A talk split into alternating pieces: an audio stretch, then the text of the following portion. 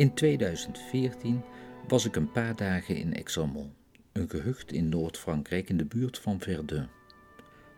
Anne, de zus van mijn vrouw Kitty, en haar man Frans hebben er een tweede huis met veel grond erbij. Elk jaar met Pinksteren hadden Kitty en ik de goede gewoonte om een weekend met hen en de familie bijeen te komen. Het is vanuit ons vier uur rijden, een afstand dus die we kunnen overzien. Het is 30 graden Celsius dit weekend, maar de airco in onze oude Citroën C5 voldoet goed. Het reizen is juist bij deze temperaturen geen straf. Het familiegezelschap is uitgedund dat jaar. Onze drie kinderen, Gerwald, Malike en de in verwachting zijnde Katelijne, zijn er met de beide schoonzonen Jiri en Mark.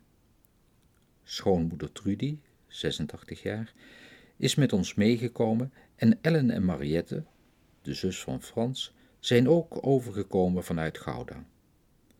De rest van de familie had diverse redenen om er dat jaar niet bij te zijn, maar dat mag de pret niet drukken.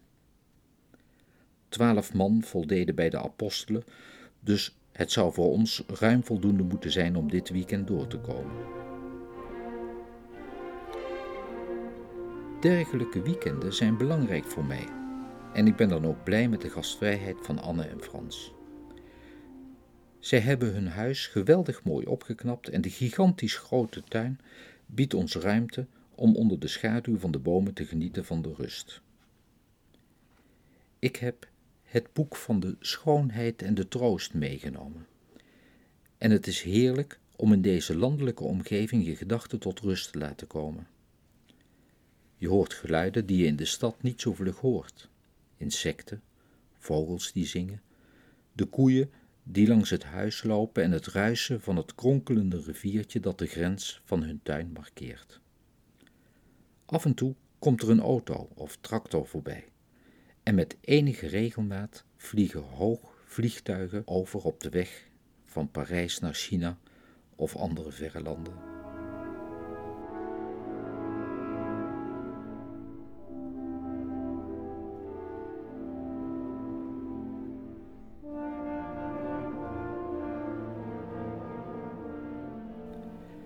We zijn zojuist naar een rommelmarkt geweest, hier 11 kilometer vandaan.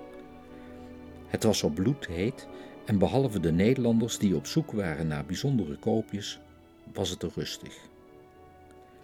De Fransen zaten in de schaduw of bij de drank- en worstentent. De toeristen liepen in de gloeiend hete zon geïnteresseerd tussen de rommel die we normaal gesproken bij ons meteen weg zouden gooien. We waren blij dat we weer in de auto konden gaan zitten. Daar is het tenminste 18 graden Celsius en uit te houden. Terug in de tuin kom ik ertoe mijn meegebrachte boek te lezen. Een deel van het gezelschap keuvelt er lustig op los. En ik geniet van het moment.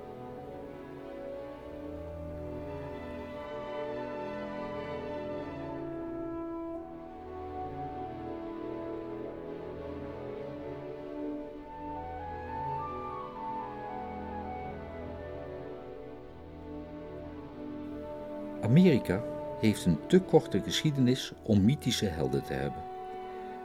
Daarom maken Amerikanen mythische helden van bestaande mensen, lees ik in het boek.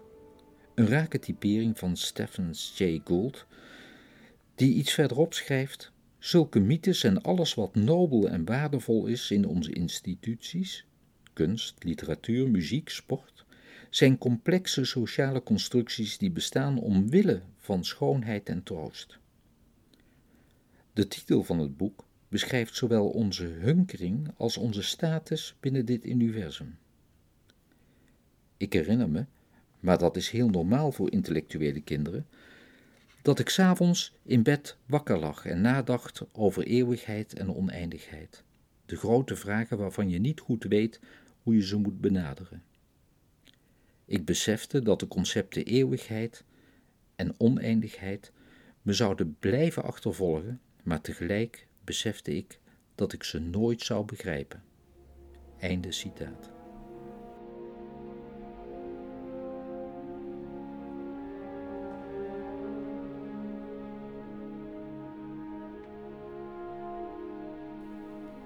Ik sluit mijn ogen en denk na over deze en soortgelijke beweringen uit het boek.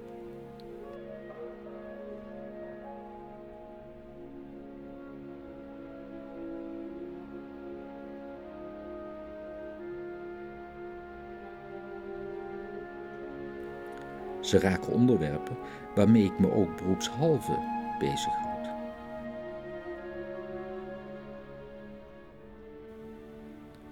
Schoonheid en troost zijn misschien wel dé onderwerpen waar het ons bij mensen werkelijk om gaat. Wat heerlijk om als God in Frankrijk over dit soort zaken na te denken.